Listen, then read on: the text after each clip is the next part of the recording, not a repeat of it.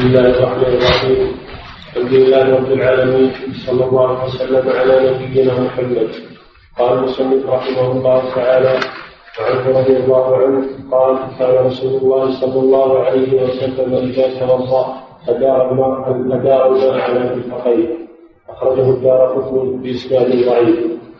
وعن أبي هريرة رضي الله تعالى عنه قال قال رسول الله صلى الله عليه وسلم لا وضوء لمن لم يذكر اسم الله أخرجه أحمد وأبو داود وابن ماجه بإسناد ضعيف وللترمذي عن سعيد بن زيد وأبي سعيد نحو قال أحمد لا يثبت فيه شيء. بسم الله الرحمن الرحيم. وعن طلحة بن سعد رضي الله عنه قال رأيت النبي صلى الله عليه وسلم تمرمر رأسه. نعم يغسل يفصل بين المضمضة يفصل بين المرضى والاستنشاق بالوضوء نعم. وعن علي رضي الله عنه قال قال تمضمض رسول الله صلى الله عليه وسلم ثم استنثر ثلاثا ثلاثا يأخذ ماء من الكف الذي يتمضمض ويستنثر من الكف الذي أخذه أخذ به الماء. أخرجه أبو داود والنسائي نعم. نعم. عن عبد الله بن زيد. نعم. اقرأ عن عبد الله بن زيد من المثل إنه مكمل لهذا.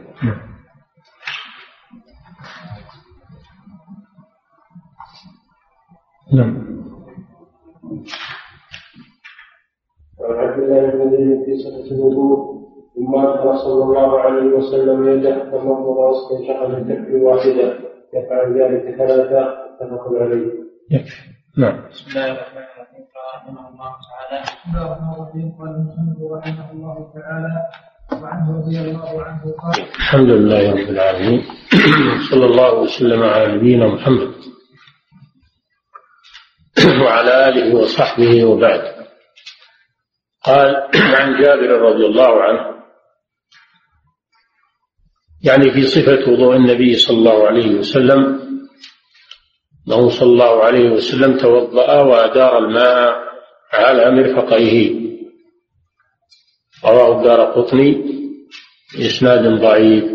دار قطني هو الإمام الجليل معروف شيخ المحدثين في وقت في زمانه. هو سيد الحفاظ في زمانه رحمه الله. وله السنن المشهورة في سنن دار قطني. ولكن هذا الحديث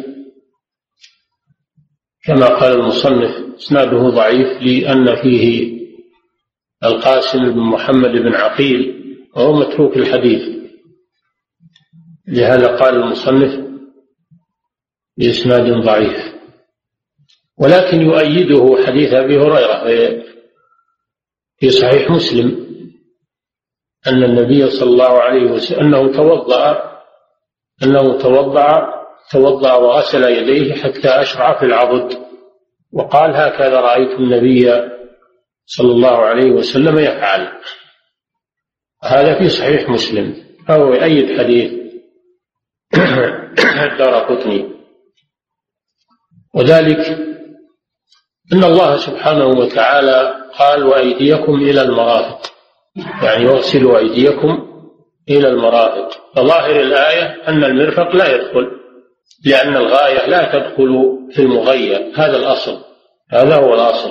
فظاهر الآية أن المرفقين لا يدخلان في المغسول بناء على الأصل في أن الغاية لا تدخل في المغير. ولكن هذا الحديث وحديث أبي هريرة يدل على أن المرفق يدخل في المغسول. يدخل في المغسول. فيكون هذا خلاف الأصل في إلى. الأصل فيها أنها الانتهاء للغايه ولكن قد ترد في بعض الأحيان ولا تكون لانتهاء الغاية بل تدخل الغاية في المغير. كما في قوله تعالى ولا تأكلوا أموالهم إلى أموالكم. يعني لا تأكلوا أموالهم مع أموالكم فتكون إلى بمعنى مع. تكون بمعنى مع. إذا فمعنى قوله تعالى وأيديكم إلى المرافق وأرجلكم إلى الكعبين معناه وأيديكم مع المرافق وأرجلكم مع الكعبين تكون إلى هنا بمعنى مع. فتكون الغاية داخلة في المغيى وذلك أخذا من سنة الرسول صلى الله عليه وسلم. فيدل الحديث على أن المرفقين يجب غسلهما. ومن توضأ ولم يغسل مرفقيه لم يصح وضوءه لأنه لم يكمل غسل اليدين. هذا ما يدل عليه حديث جابر مع حديث أبي هريرة. مسألة واحدة وهي أن المرفقين يدخلان في الغسل مع اليدين وأن من لم يغسلهما لم يكمل, لم يكمل وضوءه ولم يصح. هذا أمر يجب التفطن له تدقيق فيه. للمسلم حينما يتوضأ أن يدير الماء على مرفقيه. هذا ما يدل عليه حديث جابر وحديث أبي هريرة الذي في مسلم.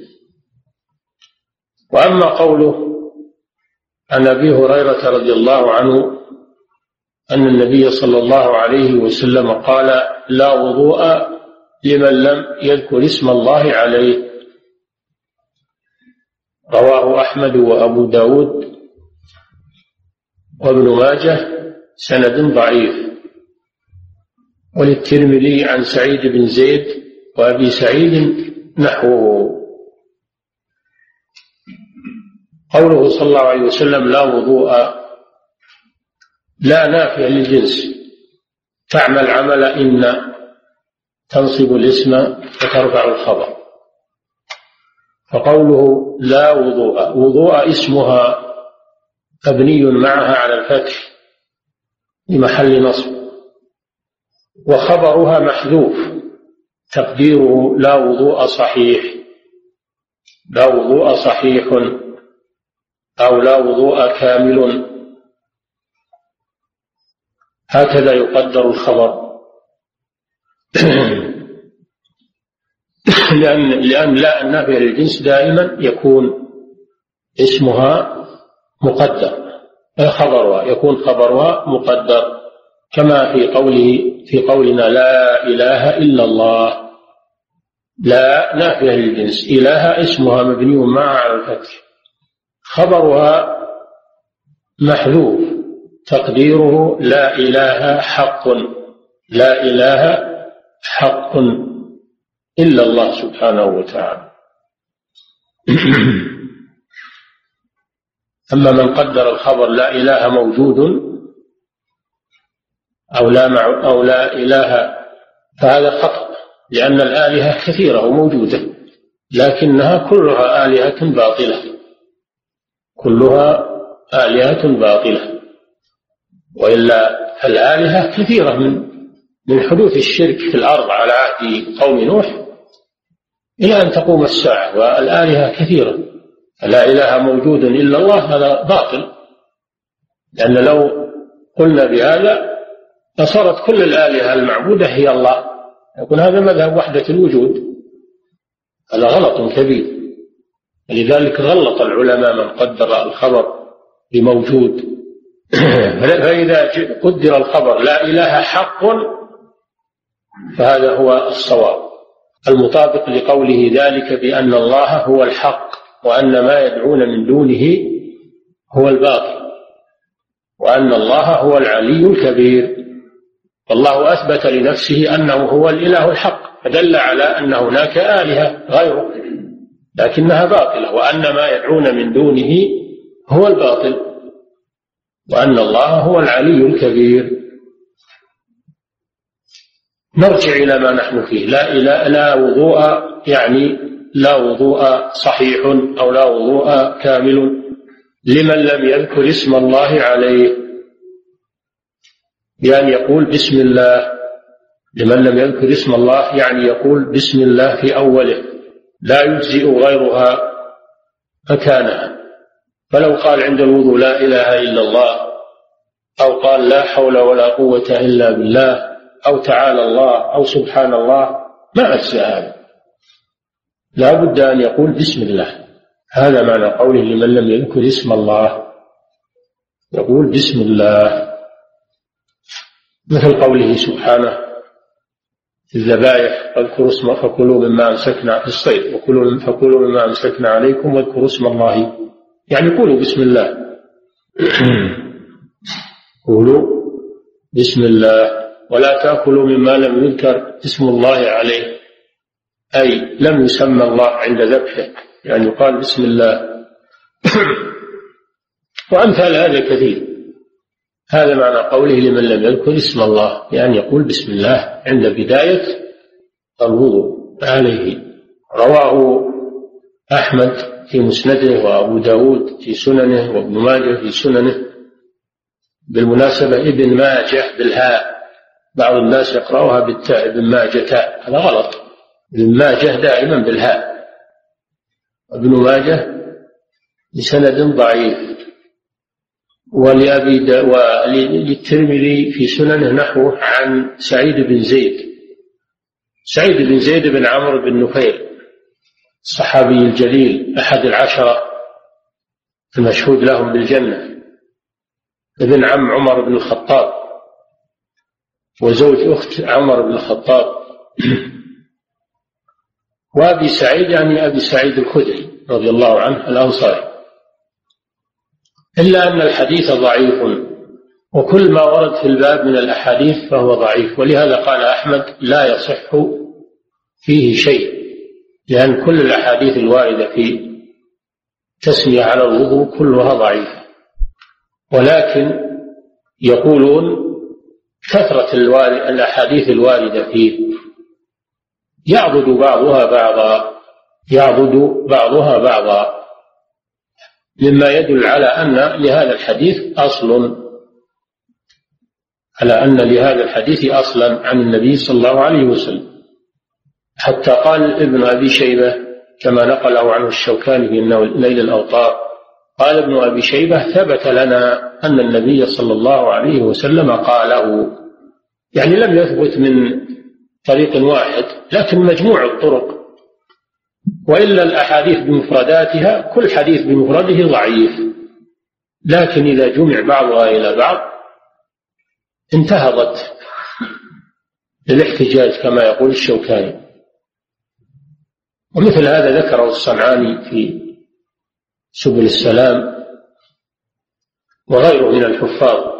يقولون تكاثر الأحاديث في هذا يدل على أن للحديث أصلا عن النبي صلى الله عليه وسلم.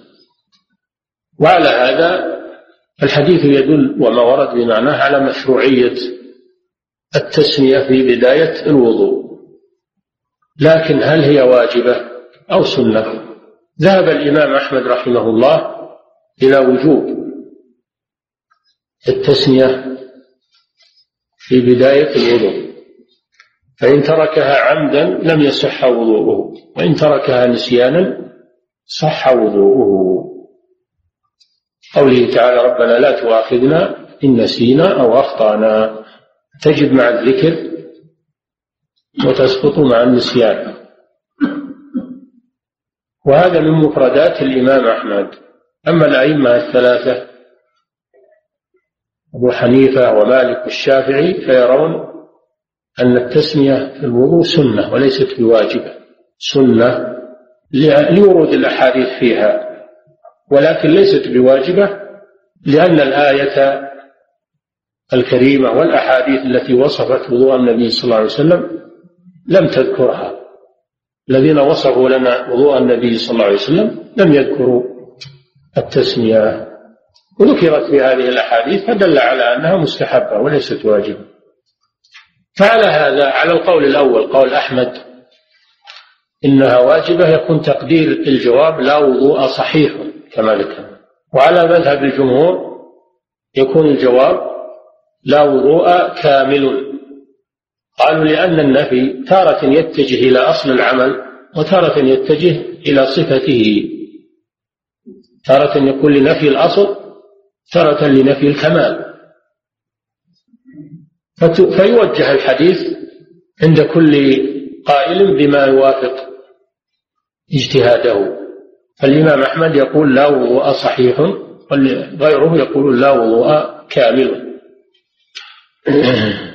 وأحمد في في رواية ثانية يوافق الجمهور يرى أن التسمية سنة وهو اختيار شيخ الإسلام ابن تيمية أن التسمية في بداية الوضوء سنة وليست واجبة. لا وضوء لمن لم يذكر اسم الله عليه. تدل على السنية. هذا هو الراجح. وليس هناك في الوضوء أذكار تقال ما عدا التسمية في أوله وقول لا إله أشهد أن لا إله إلا الله وأن محمدا عبده ورسوله في آخره كما يأتي. أما الأذكار التي تقال أثناء الوضوء مثل ما يقول بعض الناس فلا أصل لها. كأن يقول إذا غسل وجهه اللهم بيض وجهي إذا ابيضت الوجوه وإذا غسل يده اليمنى يقول اللهم أعطني كتابي بيميني وما هذا كله اجتهادات منهم لا دليل عليها. تكون أذكار مبتدعة. تكون أذكارا مبتدعة.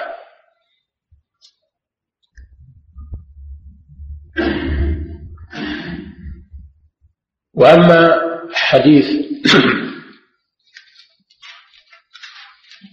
أن حديث طلحة بن مصرف عن أبيه عن جده أن النبي صلى الله عليه وسلم كان يفصل بين المضمضة والاستنشاق.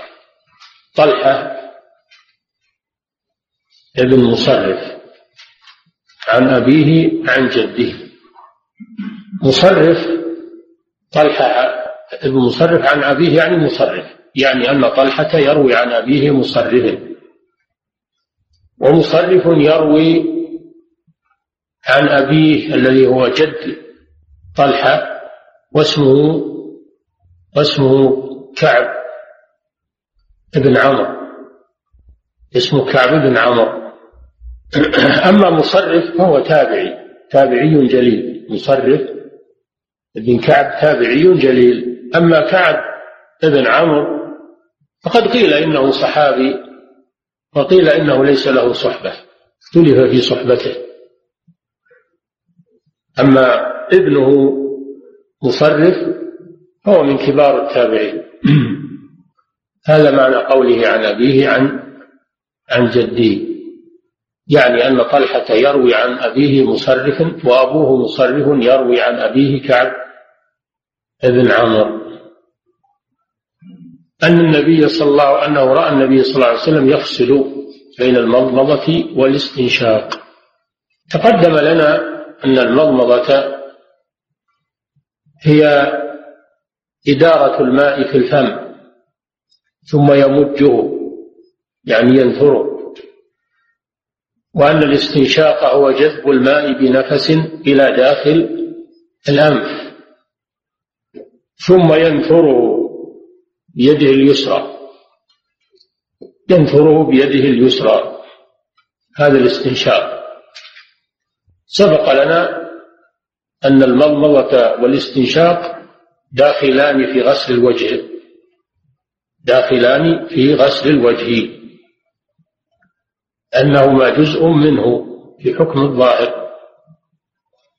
هذا سبق. لكن الزيادة هنا في صفة المضمضة والاستنشاق. قال رأيته يفصل بمعنى أنه يأخذ ماء للمضمضة ثم يأخذ ماء جديدا للاستنشاق. هذا معنى الفصل هذا معنى الفصل. رأيت النبي صلى الله عليه وسلم يفصل بين المضمضة والاستنشاق. لكن هذا الحديث ضعيف هذا الحديث ضعيف. لم يثبت عن النبي صلى الله عليه وسلم. عرفنا معناه أنه يتمضمض بماء ثلاث مرات ثم يأخذ ماء جديدا ويستنثر يستنشق به. هذا معنى الفصل. ولكن الحديث الوارد فيه ضعيف. والثابت عن النبي صلى الله عليه وسلم هو ما جاء في الأحاديث الثلاثة الآتية. حديث علي حديث عبد الله بن زيد وغيره غيره من الأحاديث. في أن النبي في أن النبي صلى الله عليه وسلم ما كان يفصل بين المضمضة والاستنشاق بل كان يتمضمض ويستنشق بماء واحد. بماء واحد. لأن الأنف والفم عضو واحد. من عضو واحد وهو الوجه. لأن الفم والأنف من عضو واحد وهو الوجه. فلا داعي لأخذ ماء جديد للأنف. فالثابت عن النبي صلى الله عليه وسلم الوصل. الوصل يعني أنه يقرن بين المضمضة والاستنشاق. هذا هو الثابت. ولهذا يقول ابن القيم في زاد المعاد لم يثبت عن النبي صلى الله عليه وسلم في الفصل بين المضمضة والاستنشاق حديث. ثم تكلم على حديث طلحة بن مصرف. ثم قال الثابت عن النبي صلى الله عليه وسلم هو الوصل لكن ما صفة الوصل؟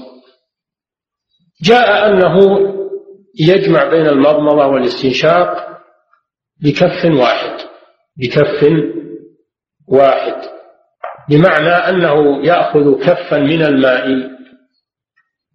فيتمضمض منه ثم يستنثر ثم يتمضمض ثم يستنثر ثم يتمضمض ثم يستنثر يعني يقسم هذا الكف بين المضمضة والاستنشاق. كل واحد منهما ثلاث مرات. وهذا لا شك أنه إذا تيسر فهو أحسن لأنه أقصد في الماء في صرف الماء. إذا تيسر فهو أحسن لأن فيه اقتصادا في الماء. تأخذ كفا واحدا تستنشق منه ثم تستنثر ثم تستنشق ثم تستنثر ثم تستنشق ثم تستنثر هكذا معنى كف واحدة الصفة الثانية أن يجمع بين المضمضة والاستنشاق بثلاث غرفات. كما في حديث عبد الله بن زيد. ثلاث غرفات. بمعنى أنك تأخذ كفا فتتمضمض منه ثم تستنفر ثم تأخذ كفا ثانية فتتمضمض ثم تستنفر ثم تأخذ كفا ثالثا فتتمضمض منه ثم تستنثر هذا أكثر ما ورد. الجمع بين المضمضة والاستنشاق بثلاث غرفات وهذا أيسر. هذا أيسر.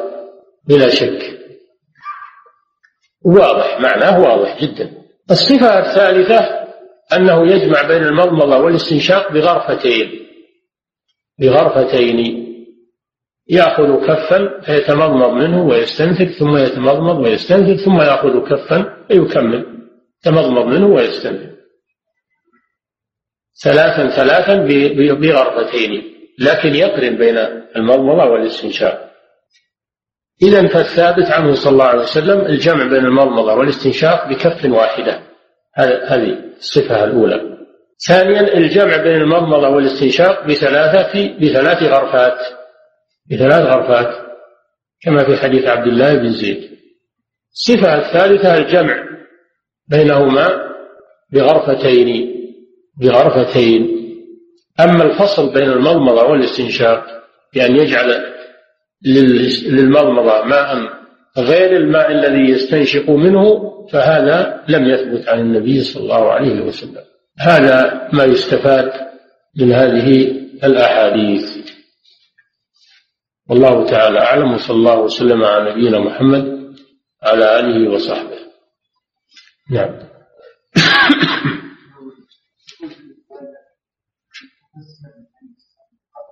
نعم. حديث وين؟ محتمل من كف واحد أو محتمل إنه كف واحدة للجميع أو أو كل مرة من كف واحدة نعم محتمل. نعم. بسم الله الرحمن الرحيم. الحمد لله رب العالمين صلى الله وسلم على نبينا محمد. فضيلة الشيخ وفقه الله. ألا يصح أن يجعل عن الرسول صلى الله عليه وسلم اليمين مخصصا الآية الكريمة درسنا ذا أمر النبي صلى الله عليه وسلم بتقديم اليمين. هذا مر علينا بالدرس هذا. ها؟ الدرس الماضي راح. الدرس الماضي راح. إيش السؤال؟ يجعل عن الرسول صلى الله عليه وسلم مخصصا بعلم الآية الكريمة ما هو مخصص؟ للمفسر مفسر للآية الكريمة. ما هو مخصص؟ تخصيص أن تكون الآية عامة فيكون الحديث يخصص العموم. ما بين الآية والحديث معارضة حتى يخصص لكن يقال مفسر للآية. هذا يكون من باب الاستحباب. تقديم اليمين من باب الاستحباب بدليل قوله كان يعجبه يعجبه حديث عائشة تيامن في طهوره. يعجبه التيامن. كونه يعجبه هذا دليل على الاستحباب. نعم. هل يقال التسمية بسم الله فقط. أو يقال بسم الله الرحمن الرحيم. يكفي بسم الله. يكفي بسم الله. وإن قال الرحمن الرحيم فلا بأس. لكن إذا اقتصر على بسم الله فهي كافية. ها؟ لا تفضيل كله جائز. وإن كان ظاهر ظاهر ظاهر النص أنه يقول بسم الله فقط. لأنهم قالوا في الذبيحة ما يقول عند الذبح الرحمن الرحيم بل يقول بسم الله فقط لأن موطن الذبح والزكاة ليس موطن رحمة ليس موطن رحمة. فلا يقال عند الذبح بسم الله الرحمن الرحيم وإنما يقال بسم الله فقط. ها؟ النص ما, ما في نص يحدد ما في نص يحدد. نعم. فإذا قال بسم الله الرحمن الرحيم في بداية الوضوء فلا بأس وإن اقتصر على بسم الله فهذا هو المجزي. نعم. ولا مانع من ذكر الرحمن الرحيم هنا بخلاف التذكية الزكاة فيه مانع وأن الموطن ليس موطن رحمة. نعم. نعم. فضيلة الشيخ ذكرت أنه مصرف من كبار التابعين هو مصرف؟ إلا مصرف نعم. وذكر المحشي على كتاب ابن المراد الشيخ حامد الدنكي أنه مصرف مجهول. كيف الجمع بين هذا حفظكم الله؟ أو صحيح هم مجهول. إلا من أئمة التابعين كما في في سبل السلام وغيره. إن كان الشيخ حامد قال هذا هذا زلة قلم أو عدم انتباه أو خطأ مطبعي الله أعلم. نعم. إذا صلى الصبي في أول الوقت. نعم. إذا صلى الصبي في أول الوقت.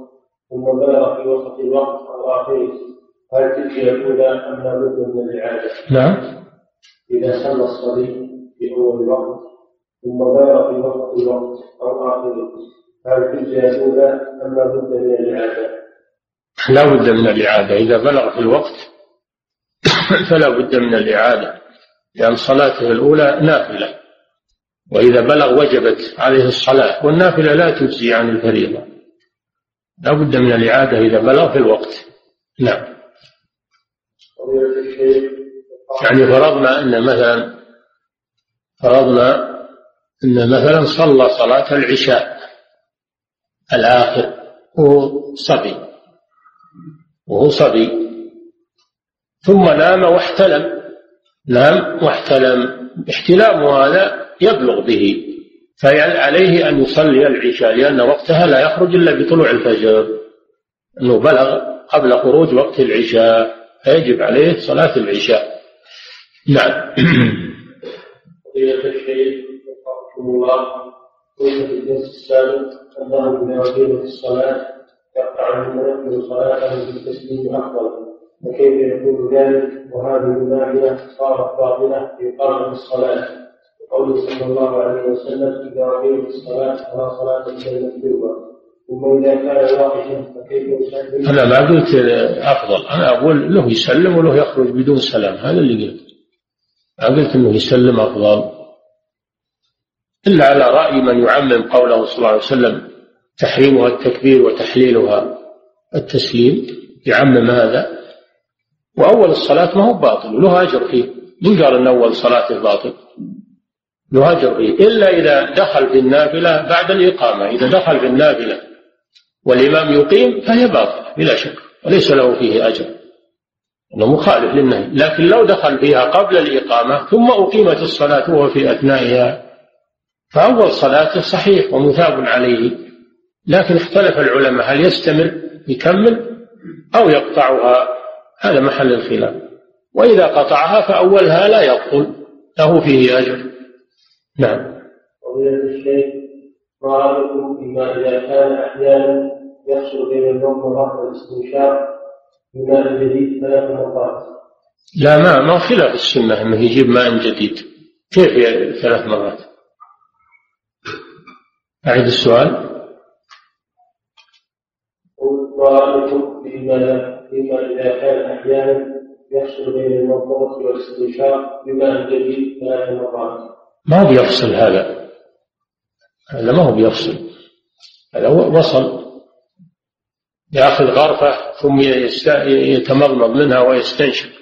ثم يأخذ غرفة ثانية ويتمضمض منها ويستنثر ثم يأخذ ثالثة ويتمضمض منها ويستنثر هذا لم يفصل وإنما وصل.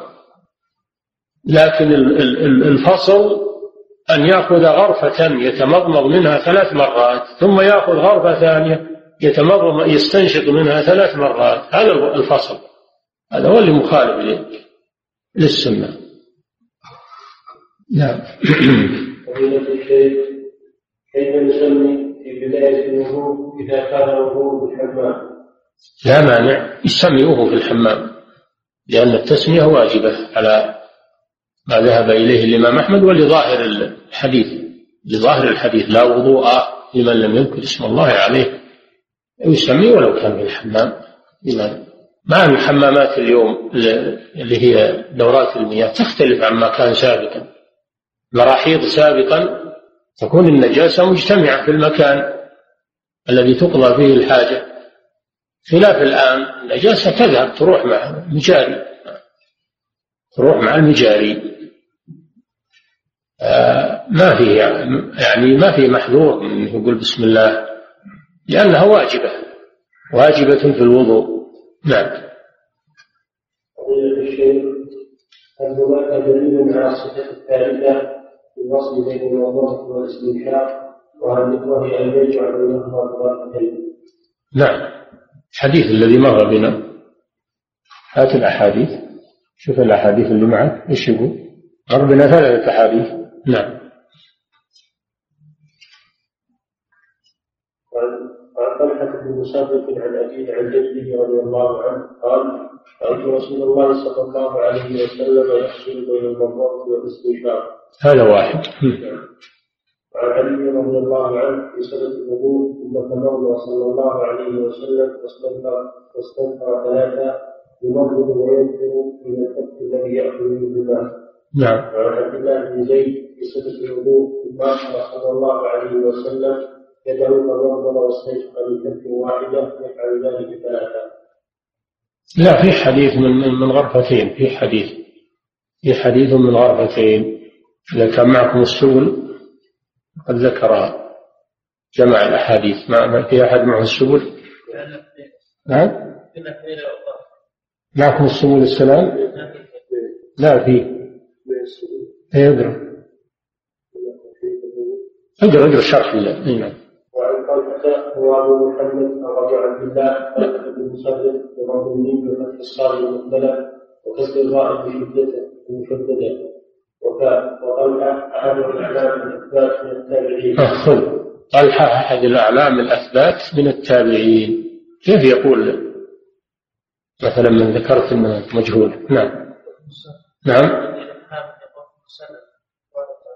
لا طلحة طلحة. هو مصرف هو التابعي مصرف هو التابعي وأبوه اللي هو كعب بن عمرو هذا اختلف في صحبته. أما مصرف أما طلحة فليس بتابعي نعم. نعم. طلحة ليس من التابعين من التابعين مصرف. نعم. نعم. جده كان ابن عمرو المدني ومنهم من يقول ابن عمرو من العين المنفلة قال ابن عبد الله والاشهر بن عمرو وله صحبة ومنهم من ينكرها ولا وجه للإنكار وأنكر ذلك. نعم. وذكر هذا الحديث قال رأيت رسول الله صلى الله عليه وسلم يفصل بين المرموت والاستنشاق أخرجه أبو داود بإسناد ضعيف لأنه من رواية بن أبي سليم وهو ضعيف. نعم. قال النووي اتفق العلماء على ضعفه ولأنه صادقا وأن ذلك مجهول الحال قال أبو نعم. ولأن مصدقا وأن ذلك مجهول الحال إذا هذا الذي نقل الشيخ حامد. مم.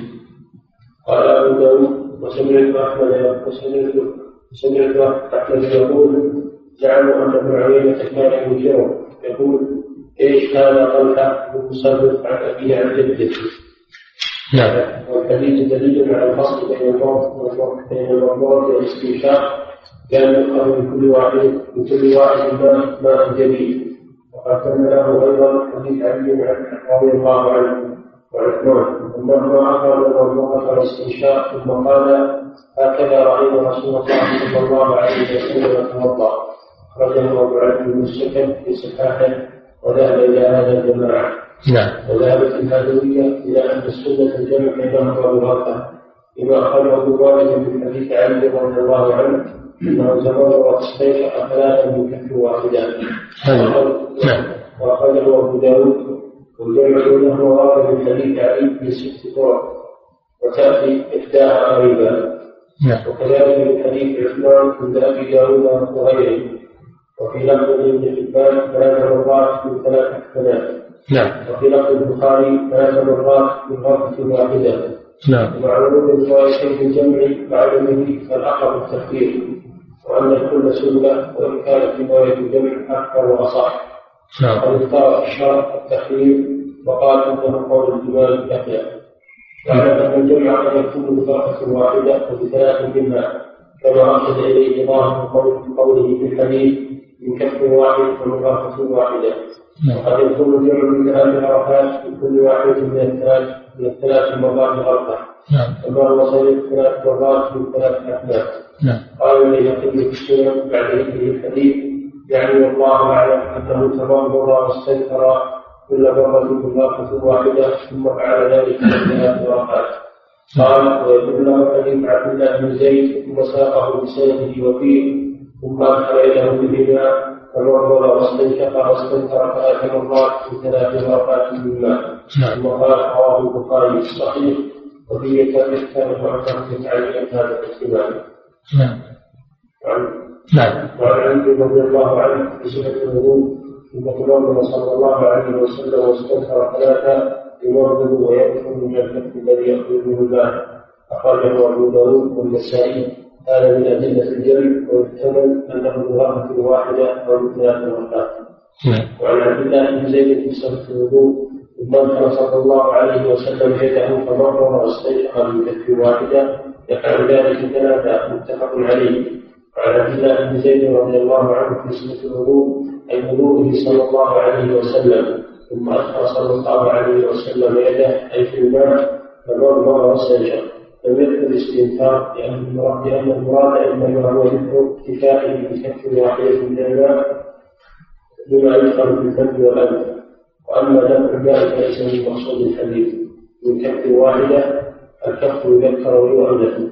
يفعل ذلك ثلاثة متفق عليه. وظاهر في أنه كفاه تفاهم تفاهم كفاه كف واحد في ثلاث مرات وإن كان وإن كان يحتمل أنه أراد به فعل كل منهما من كف واحد يختلف في كل واحد من الثلاث والحديث كالأول بأدلة الجمع وهذا حديث والأول انقطعان من الحديثين الطويلين في صفة الوضوء وقد تقدم مثل هذا إلا أن المصنف إنما حصل على موضع الحجة التي يريد الجمع هنا وعن أنس رضي الله لما ذكر حديث الغرفتين لكن الظاهر لي والله أعلم أنه في زاد المعاد أو يحتاج إلى مراجعة. نعم. وابن القيم ذكر الصفات الثلاث. أنه من غرفة يجمع بينهما في غرفة يجمع بينهما في ثلاث يجمع بينهما في غرفتين. يقول هذا الوارد عن النبي صلى الله عليه وسلم. نعم. وإلى الشيخ وصحة الحديث كل أمر بيدان لا فيه بسم الله فهو أكبر. لا يصل إلى درجة الصحة حديث كل أمر يبال لا يصل إلى درجة الصحة. ولكن المصنفون يستشهدون به على استحباب ذكر بسم الله.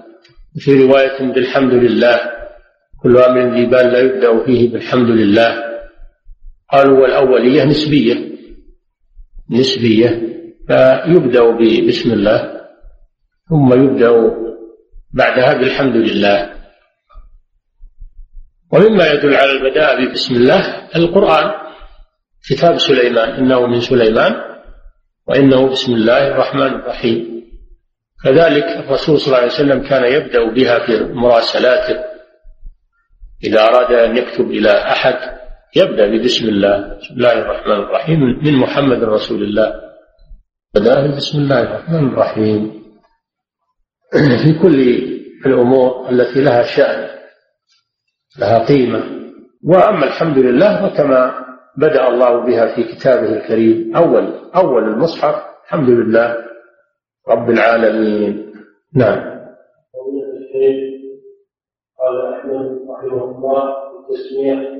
لا يثبت شيء. كذلك النبي صلى الله عليه وسلم كان إذا خطب أو أراد أن ينبه على شيء يبدأ بحمد الله والثناء عليه. أول شيء يبدأ بحمد الله والثناء عليه والشهادتين. هذه سنة الرسول صلى الله عليه وسلم. نعم. الله قال أحمد رحمه الله في التسمية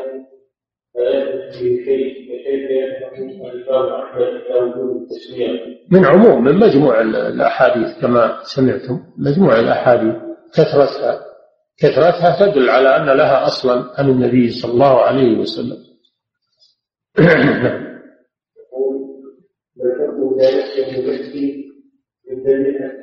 لأن بعض العلماء يقول أنه أنه ارتقى إلى درجة الحسن.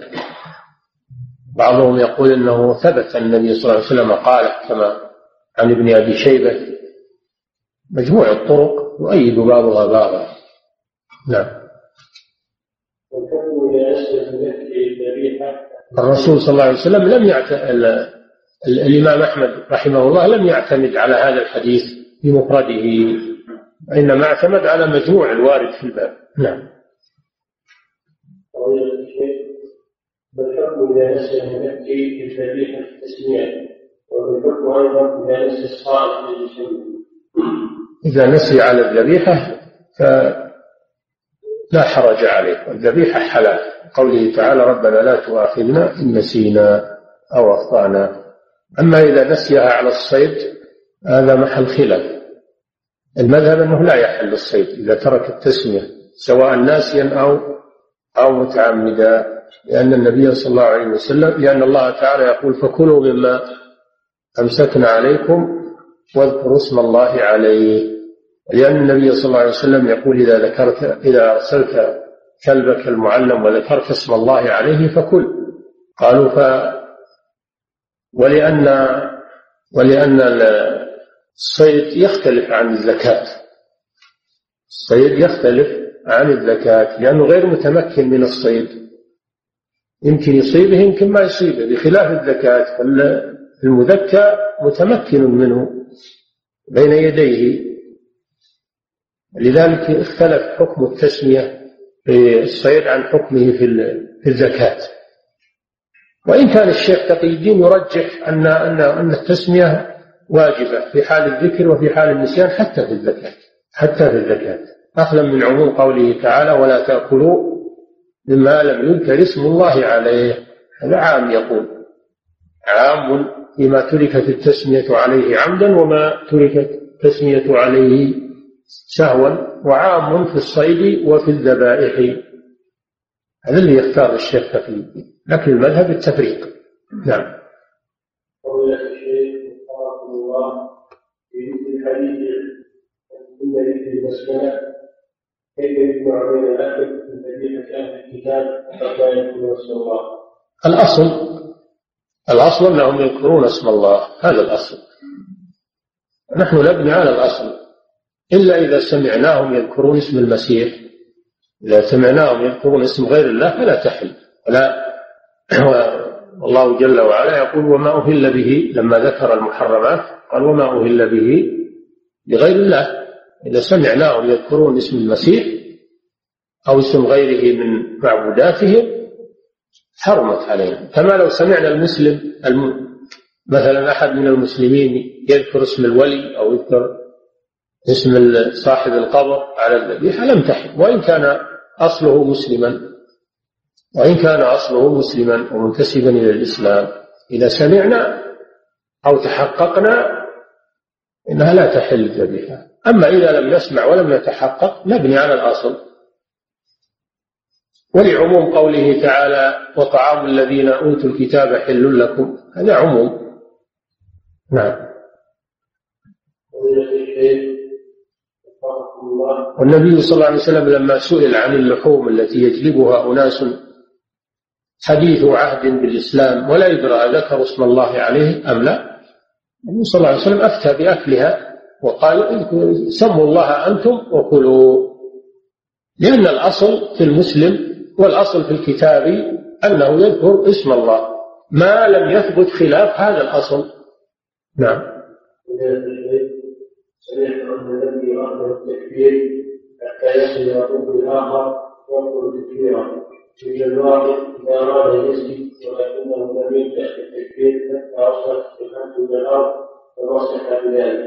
نعم في من يقول إنه إن التكبير إنه في الانتقال في حالة الانتقال من ركن إلى ركن. مثلا إذا كان قائما من الركوع ثم هوى إلى السجود فإنه يكبر حال هويه وينهي التكبير قبل أن يسجد. لأنه بين الركنين. فإن سجد ثم كبر بعد ما سجد كان تاركا لهذا الواجب. ولكن في شرح الزاد يقول هذا أمر يشق على الناس. كثير من الناس مثلا يحصل منه التأخير. يحصل منه التأخير لأن نتيجة للغفلة أو للجهل. فلو قلنا ببطلان صلاته أبطلنا صلاة كثير من الناس. فإذا كان الإنسان ما تعمد تأخير التكبير وإنما غلب عليه الغفلة أو الجهل أو النسيان فيتسامح في هذا لأنه لا يسع الناس إلا هذا وإلا أبطلنا صلاة كثير من الناس. نعم. نعم.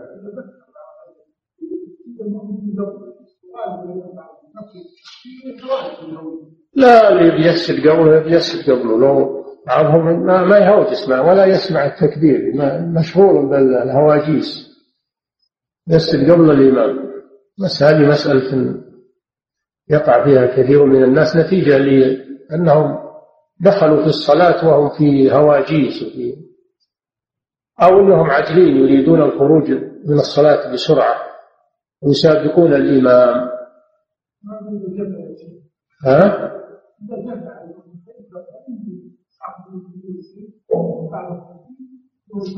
لا ابدا ما يخالف.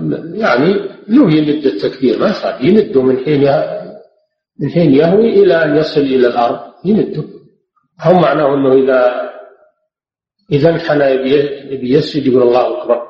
والباقي كله ينقطع ماء بل إن بعض العلماء يقول انه إنه ينبغي إنه يشغل ما بين الركنين بذكر الله. ما يكون بعضه ما في شيء. يمد التكبير شوي. نعم. وقال في التسمية الوجوب والاستحباب. أي تسمية؟ الوضوء. الأحوط ما سمعتم الأحوط أنه يسمي هذا الأحوط والأبرى للذمة أما لو قدر أنه توضأ ونسي أنه يسمي فوضوءه صحيح إن شاء الله. هذا هو الأحوط والأبرى للذمة أما أنه يبي يتعمد ترك التسمية يتعمد ترك التسمية هذا محل محل خلاف بين العلماء. كل الإنسان يقع في الخلاف هو بأحسن كونه يحتاط لدينه ويخرج من خلاف العلماء. الأبرى للذمة وأحسن. نعم.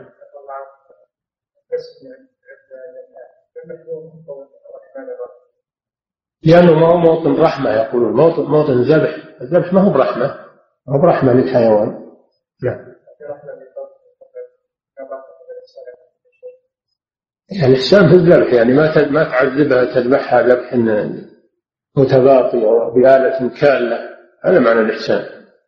الإحسان أنك تذبحها ذبحا مريحا لكن في حد في حد ذاته في حق الحيوان ما برحمة. نعم.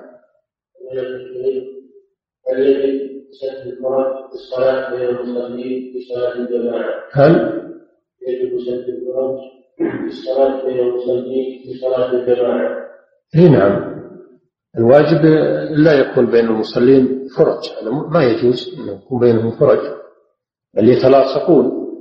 فمن وجد جاء ووجد فرجة فإنه يتأكد في حقه أن يسدها وهذا فيه فضل عظيم. هذا أفضل أفضل الخطوات التي يخطوها الإنسان أن أن يخطو خطوات يسد بها فرجة في الصف. هذا متأكد أما الوجوب ما أعرف يعني الوجوب لكن متأكد السنة مؤكدة فضيلة عظيمة. فأنه ينبغي للمصلين أو يجب على المصلين أن يسدوا الفرج أن النبي صلى الله عليه وسلم كان يحث على سد الفرج سد الخلل وأخبر أن الشيطان يدخل من خلل الصفوف. فإذا تلاحم الرجال لم يبقى فرجات للشيطان. ولكن بعض الإخوان يفهم غلط في هذا. يظن أن سد الفرج معناه أنه يفحج. يفحج رجليه ويضايق اللي بجنبه. ما هو. هذا سد الفرج. سد الفرج التلاصق. يقف الإنسان وقفة عادية ما يفحج رجليه يضايق الناس لكن يجر أخاه إلى جنبه يلاصقه هذا معنى سد الفرج. أما أنه يفحج رجليه ويأخذ مسافة من الصف ويضايق اللي بجنبه من هنا وهنا هذا اجتهاد في غير محله. نعم. الإسلام رحمه الله في مسألة النسيان عند الزكاة وأنها لا تحل وإن نسي تقولون إن المذهب مفرح ما هو الصحيح في هذه المسألة. كل له رأيه أقول كل له رأيه الشيخ أخذ بعموم النصوص والمذهب أخذ ب يعني بتخصيص الآية بقوله تعالى ربنا لا تؤاخذنا إن نسينا أو أخطأنا وفي قوله تعالى ولا جناح عليكم فيما أخطأتم به ولكن ما تعمدت قلوبكم. فهم يرون أن هذه النصوص مخصصة لتلك. والشيخ لا ما يرى التخصيص. يرى أن العمل بالوجوب بظاهر الآية. لكل وجهته لكل وجهته.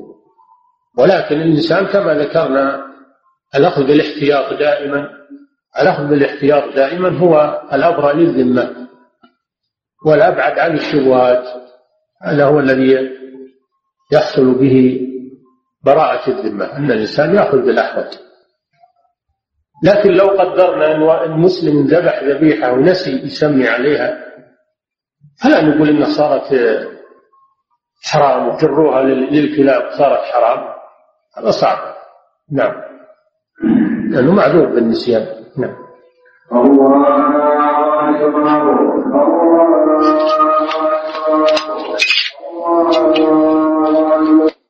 الحمد لله رب العالمين والصلاة والسلام على نبينا محمد وعلى آله وصحبه أجمعين. أما بعد قال المؤلف رحمه الله تعالى وعن أنس رضي الله عنه قال قال النبي صلى الله عليه وسلم رجل وفي قدمه مثل الكفر لم يصبه الماء فقال ارجع فاحسن وضوءك اخرجه أخرجه أبو داود والنسائي.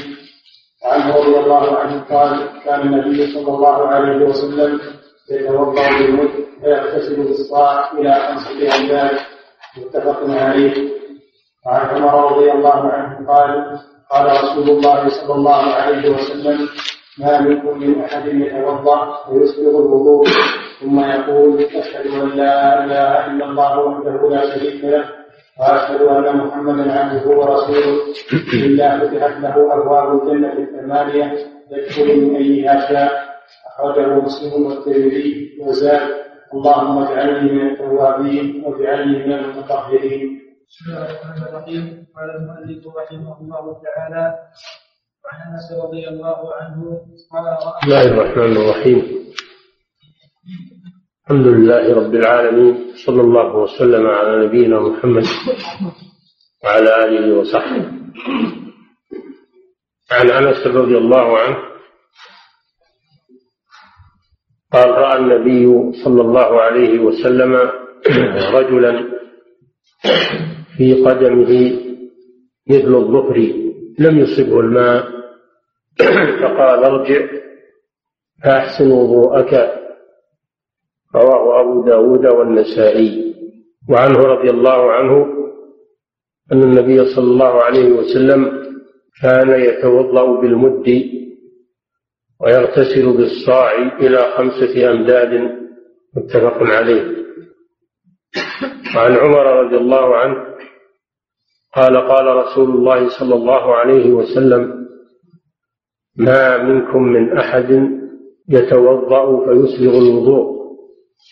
ثم يقول أشهد أن لا إله إلا الله وحده لا شريك له وأشهد أن محمدا عبده ورسوله إلا فتحت له أبواب الجنة الثمانية يدخل من أيها شاء رواه مسلم. والترمذي وزاد. اللهم اجعلني من التوابين واجعلني من المتطهرين. أما الحديث الأول وهو أن النبي صلى الله عليه وسلم رأى رجلا وفي قدمه لمعة. رأى رجلا يعني قد توضأ وفي قدمه القدم مقدم الرجل لأن الرجل تتكون من شيئين من القدم والعقل. يجمع بينهما المفصل المسمى بالكعب مسمى بالكعب أو عرش الرجل. وهو غير الكعب الذي في أسفل الساق غير الكعب الذي في أسفل الساق الذي يجمع بين الساق وبين الرجل. يسمى هذا الكعب الذي يجمع بين العقب والقدم يسمى يسمى بالعرش عرش الرجل عند معقد الشراك وهو محل القطع في حق المحارب يعني في حق قاطع الطريق. قال تعالى إنما جزاء الذين يحاربون الله ورسوله ويسعون في الأرض فسادا أن يقتلوا أو يصلبوا أو تقطع أيديهم وأرجلهم من خلاف بمعنى أنها تقطع يده اليمنى ورجله اليسرى من خلاف. فقطع رجله اليسرى يكون من هذا المحل من مفصل القدم من العقب ويبقى العقب من أجل أن يمشي عليه. وعند الشيعة أن هذا الكعب هو محل نهاية الغسل. وأرجلكم إلى الكعبين يقولون المراد بالكعب هنا معقد الشراك. أما أهل السنة والجماعة قاطبة فيقولون الكعب هو مجمع الساق والرجل وهو العظمان الناتئان في أسفل الساق. مع أن الشيعة لا يقولون بغسل الرجلين وإنما يرون مسح مسح الرجلين مثل مسح الرأس فعندهم مخالفتان مخالفة في الغسل ومخالفة في الرجل.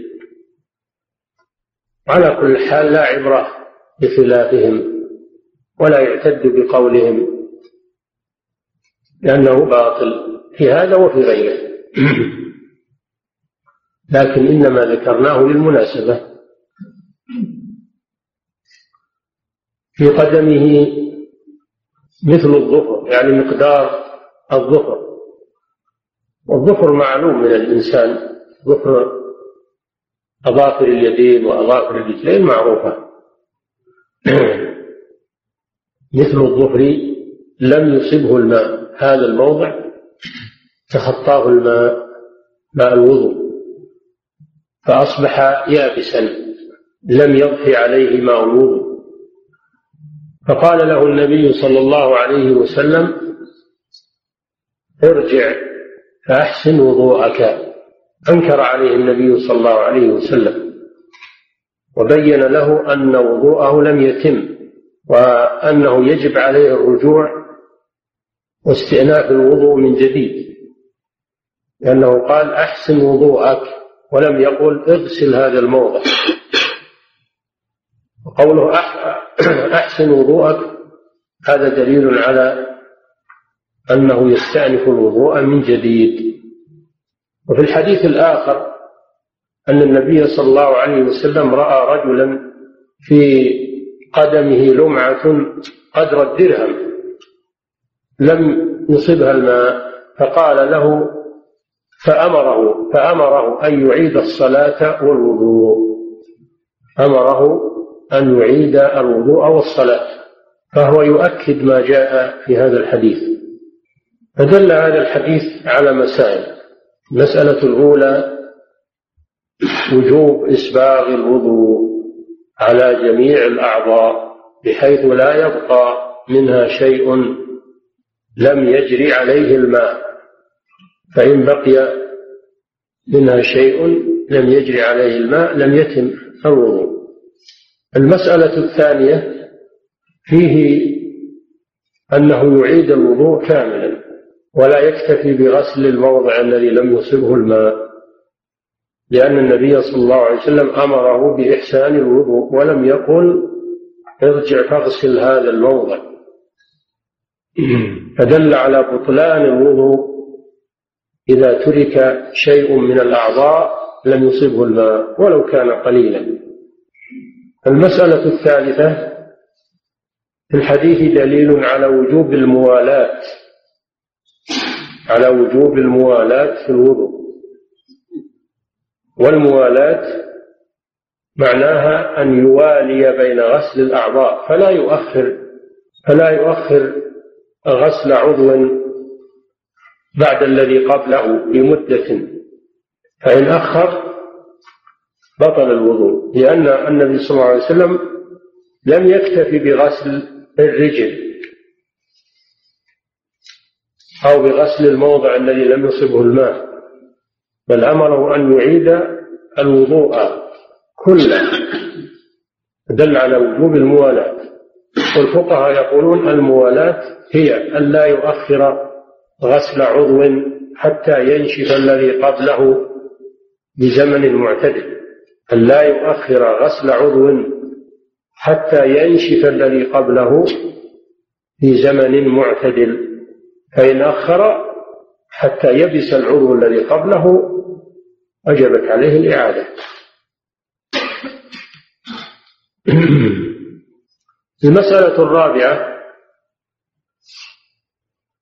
الحديث دليل على وجوب إنكار المنكر وتعليم الجاهل فإن النبي صلى الله عليه وسلم أنكر على هذا الرجل وعلمه أنكر عليه عدم إسباغ الوضوء ثم علمه كيف يفعل.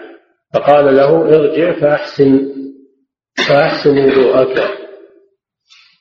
هذا ما يستفاد من هذا الحديث. وأما حديثه الثاني وهو أن النبي صلى الله عليه وسلم كان يتوضأ بالمد ويغتسل بالصاع إلى خمسة أمداد. قوله كان النبي صلى الله عليه وسلم هذا يفيد الاستمرار. يفيد الاستمرار. أنه صلى الله عليه وسلم كان مستمرا على هذا في كل حالاته. يتوضأ بالمد. المد سبق لنا بيانه وهو ما مقدار ملء اليدين مجموعتين ممدودتين من معتدل الخلقة. هذا هو المد. فإذا جمع كفيه إذا جمع كفيه وألصق بعضهما ببعض ثم مدهما. فهذا هو المد مقدار ما يملأ اليدين مجموع مجموعتين ممدودتين من معتدل الخلقة يعني لا عبرة بكبير الكفين واسع الكفين ولا بالصغير الكفين. بل الإنسان المعتدل في الخلقة متوسطا هذا هو المد. ويغتسل بالصاع الصاع النبوي أربعة أمداد. يعني أربع حفنات. هذا مقدار الصاع النبوي. وقد بحث العلماء رحمهم الله مقدار الصاع النبوي وحرروه. وانتهى التقدير بالكيل بالغرامات. انتهى التقدير بالغرامات الآن إلى ثلاث كيلو تقريبا. الصاع النبوي مقداره ثلاث كيلو تقريبا أي ثلاثة آلاف غرام. هذا هو الذي توصلت إليه هيئة كبار العلماء من عهد قريب وأصدروا فيه قرارا. أن مقدار الصاع النبوي بعد التحري وبعد التدقيق وبعد تشكيل لجان وبعد سؤال أهل الخبرة توصلوا إلى هذا إلى أنه يقارب ثلاث كيلو. ولم يخالف في هذا إلا القليل؟ لم يخالف في هذا التحديد إلا القليل. أما أكثرهم فأجمعوا على ذلك. هذا هو الصاع النبوي الذي تقدر به الزكاة نصاب الزكاة ويقدر به زكاة الفطر في رمضان ويقدر فيه ماء الوضوء إلى غير ذلك. هذا هو الصاع النبوي. مقداره ثلاث كيلو تقريبا. يعني إن نقص هو شيء يسير. فإذا جعل ثلاث كيلو صار احتياطا. وإن نقص كثيرا عن ثلاث الكيلو فإنه لا لا يجزي. إذا نقص كثيرا عن ثلاث كيلو فإنه لا يجزي. يغتسل بالصاع. يعني بصاع الماء. إلى خمسة أمداد. يعني صاع مد. يعني الصاع النبوي أربعة أمداد. فإذا زيد عليه مد صار خمسة أمداد. هذا مقدار الماء الذي كان صلى الله عليه وسلم يتطهر به من الحدثين الأصغر والأكبر. الحدث الأصغر يتطهر بالمد وجاء في حديث سبق لنا أنه أتي بثلثي مد فجعل يدلك ذراعيه. قالوا هذا أقل ما روي في مقدار وضوئه صلى الله عليه وسلم ثلثي المد. وأكثر ما روي هو المد. وأكثر ما روي في مقدار ماء غسله صلى الله عليه وسلم صاع أربعة أمداد غالب غالب ما ما روي غالب ما روي في مقدار غسله صلى الله عليه وسلم أربعة أمداد وأكثر ما روي خمسة خمسة أمداد صاع فدل هذا الحديث على مشروعية الاقتصاد في ماء الطهارة. بمعنى أنه لا يكثر من صرف الماء في الوضوء أو صرف الماء في الاغتسال وإنما يقتصد مع الإسباغ يقتصد مع الإسباغ. فإن كثرة صب الماء إسراغ لا يجوز. وأيضا كثرة صب الماء في الطهارة يحدث الوسواس.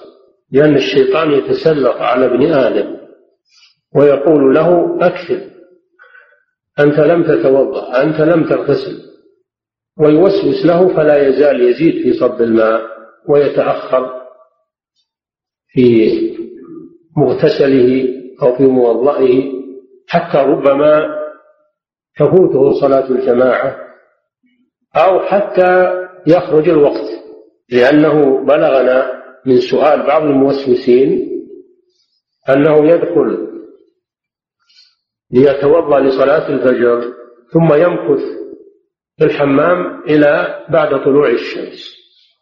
وهذا نتيجة الوسواس. وهذا محذور شديد. فيحرص الإنسان على الاقتصاد في ماء الوضوء وماء الاغتسال لكن مع الإسباغ لكن مع الإسباغ وهو أن يأتي الماء على جميع جسمه في الاغتسال وأن يأتي على كل أعضاء الوضوء في الوضوء بحيث لا يبقى منها شيء. وما أحسن جمع المصنف بين هذا الحديث والذي قبله؟ حديثي أنس.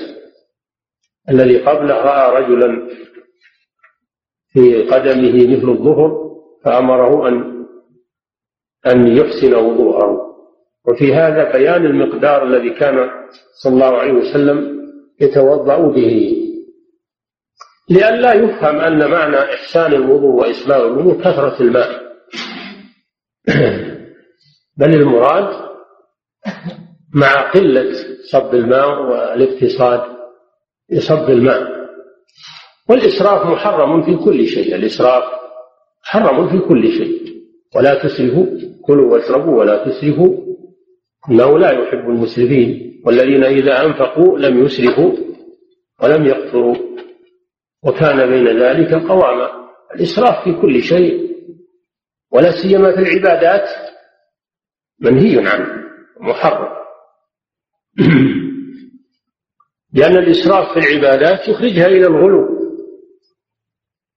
والله تعالى يقول لا تغلوا في دينكم. قل جل وعلا فاستقم كما أمرت ومن تاب معك ولا تطغوا. يعني لا تغلوا في العبادة تزيدوا في العبادة. الغلو محرم في الدين.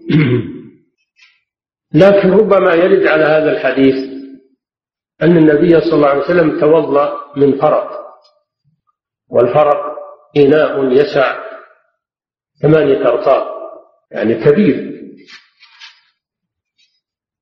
فهل هذا يتعارض مع أنه صلى الله عليه وسلم كان يتوضأ بالمد؟ لا.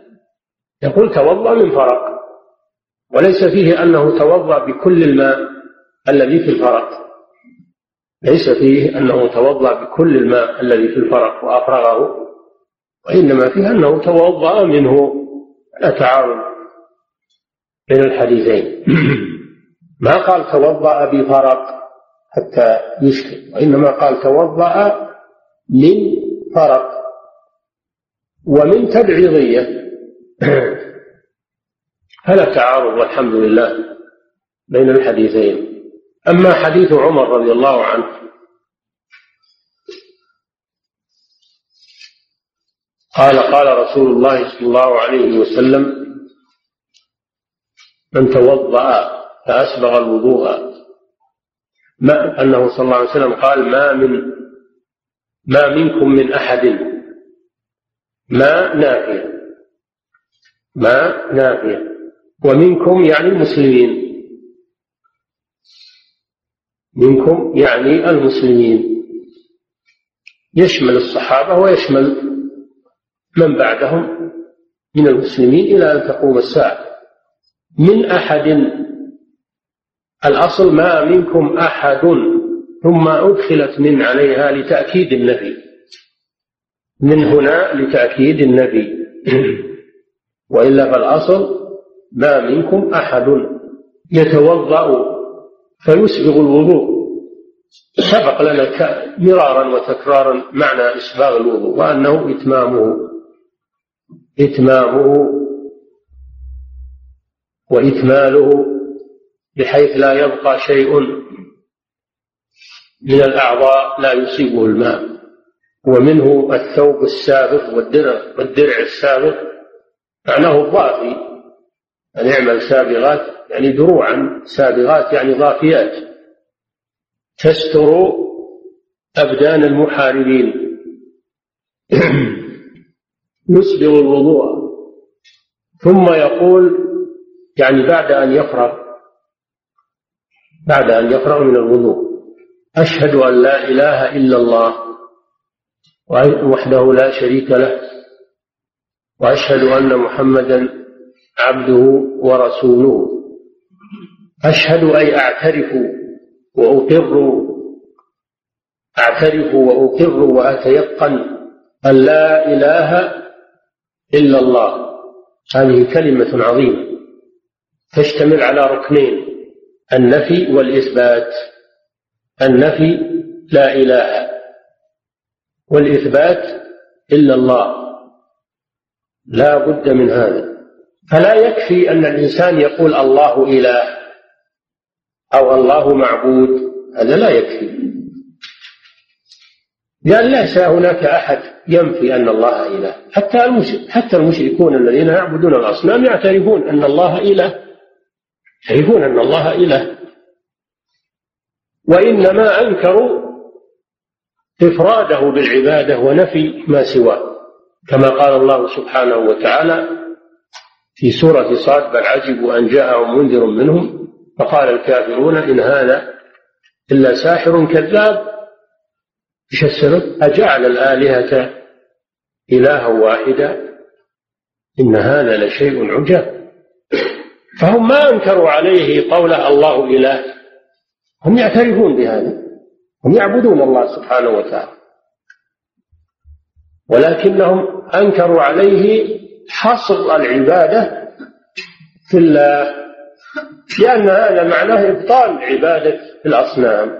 وهم لا يريدون ذلك يريدون أن يعبدوا الله ويعبدوا معه غيره. ممن يزعمون أنهم شفعاء إليه سبحانه وتعالى. وفي الآية الأخرى إنهم كانوا إذا قيل لهم لا إله إلا الله يستكبرون ويقولون أئنا لتاركوا آلهتنا. يعني هذه الكلمة تحتم عليهم ترك آلهتهم أئنا لتاركوا آلهتنا لشاعر مجنون يعنون محمدا صلى الله عليه وسلم. شاعر ليه؟ لأنه جاء بالقرآن والقرآن يزعمون أنه شعر. يزعمون أن القرآن شعر وتارة يزعمون أنه سحر وتارة يزعمون أنه كهانة. فلم يستقر رأيهم. لأنهم على باطل. فهذه الكلمة لا تتم إلا بالركنين النفي والإثبات. ولقد بعثنا في كل أمة رسولا أن يعبدوا الله واجتنبوا الطاغوت. لم يقتصر على قوله اعبدوا الله بل هم يعبدون الله لأنهم يعبدون الله لكنهم لم يجتنبوا الطاغوت لم يتركوا عبادة غير الله سبحانه وتعالى معه. وفي الآية الأخرى فمن يكفر بالطاغوت ويؤمن بالله هذا النفي والإثبات لم يقتصر على قوله يؤمن بالله بل قدم قبله يكفر بالطاغوت. وكذلك قول إبراهيم عليه الصلاة والسلام إنني براء مما تعبدون.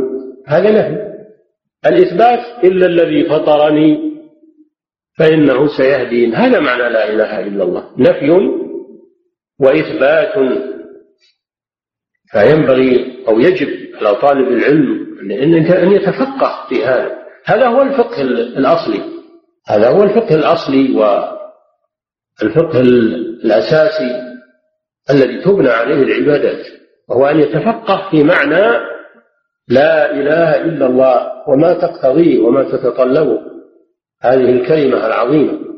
ليست مجرد لفظ يقال ويكرر ويجعل منها أوراد في الصباح والمساء بالمئات والآلاف من لكن مع هذا لا يترك عبادة غير الله. يعبد الأضرحة ويعبد الطواغيت ويعبد وهو يقول لا إله إلا الله يكرر هذا.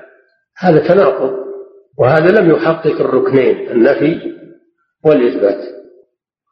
فلذلك لم تصح في حقه لا إله إلا الله وإن تلفظ بها الآلاف المؤلفة والملايين. لا لا تفيده شيئا. أنه لم يحقق مدلولها ومقتضاها ومعناها بل ربما أنه لا يعرف معناها. وإن كان متفقها ومتبحرا بالفقه والعلوم قد لا يعرف, يعرف معنى لا إله إلا الله. هذا مشكل. وحده لا شريك له. وحده تأكيد للإثبات إلا الله. لا شريك له تأكيد للنفي لا إله له لا شريك له. وأشهد أن محمدا أي أقر وأعترف وأتيقن أن محمدا صلى الله عليه وسلم عبده ورسوله.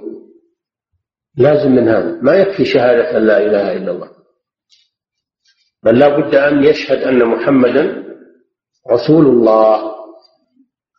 أن محمدا عبده هذا فيه رد على أهل على أهل الإفراط والغلاة الذين يغلون في محمد صلى الله عليه وسلم حتى يجعلوا له شيئا من صفات الربوبية.